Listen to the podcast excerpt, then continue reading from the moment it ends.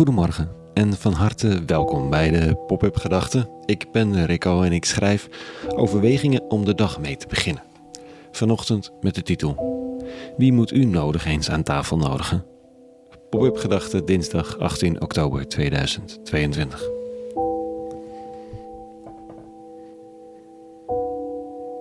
De babbelbox. Ik kan niet eens uitspreken. De babbelbox staat in Grijpstuiverveen en vraagt wie moet u nodig eens, etcetera. Mooie vraag toch? Wie moet u nodig eens aan tafel nodigen? Ik heb wel zo'n lijstje. Wij hebben hier zo'n lijstje. Soms op papier, soms in het hoofd. Mensen die je nodig eens aan tafel moet nodigen. Of bij wie je langs moet omdat je graag bij hun aan tafel aanschuift. Mooi principe eigenlijk, dat tafelen. Natafelen. Het is huiselijk, familie, zonder dat er bloedbanden voor nodig zijn. Kijk, hier, hier bidden we altijd voor het eten, door te danken. Dat is een beetje gegroeid zo, deels bewust, deels uit de praktijk. Dus zo'n maaltijd met wie dan ook begint met dat iedereen aan tafel links en rechts elkaar een hand geeft, zodat er een cirkel ontstaat. Als dat een beetje vreemd voelt en ik twijfel of het in dit geval wel de goede actie zou zijn, zijn er altijd nog de kinderen die dat overroelen door domweg de hand uit te steken, naast wie ze ook zitten. En dan geven we elkaar dus een hand en danken om de beurt. De een met een religieuze aanhef, de ander noemt gewoon waar hij of zij of die dankbaar voor is. Er is iets met dat aan tafel nodige, iets belangrijks. Vandaag stuurt Jezus in de tekst 72 van zijn leerlingen twee en twee op pad en ze mogen niks extra's meenemen voor het geval ze honger krijgen of ze extra kleren nodig hebben. Op pad zonder koffer of backpack. Een beetje zoals reizen met, de goed, met het goedkoopste vliegtuig. Jij mag mee, maar alles wat je bij je draagt, daar moet je voor betalen. Goed, in elk geval, zij gaan op pad zonder voorzorgsmaatregelen.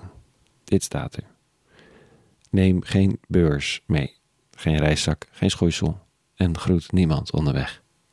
Laat in welk huis gij ook binnengaat uw eerste woord zijn vrede aan dit huis.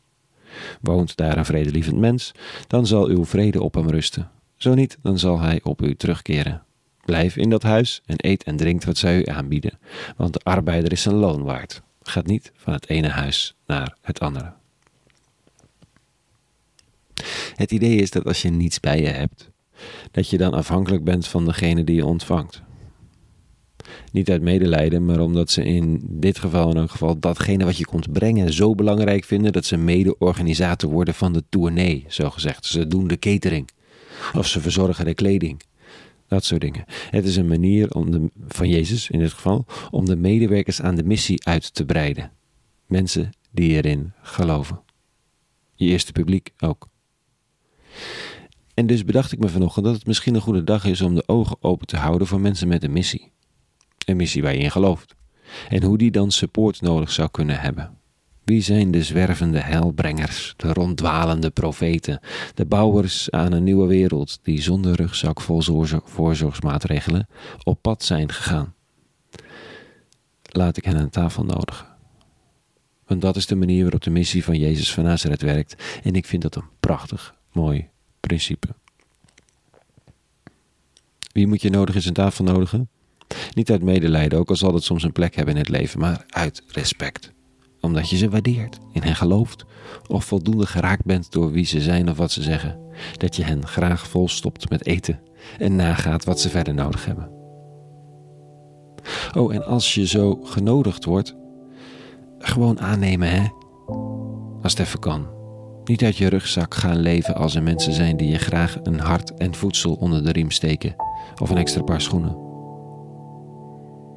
Dat even voor vandaag. Over de tafel, het nodige, het delen en reizen zonder rugzak. Vrede gewenst voor vandaag. Nieuwsgierigheid en een open tafel. En alle goeds.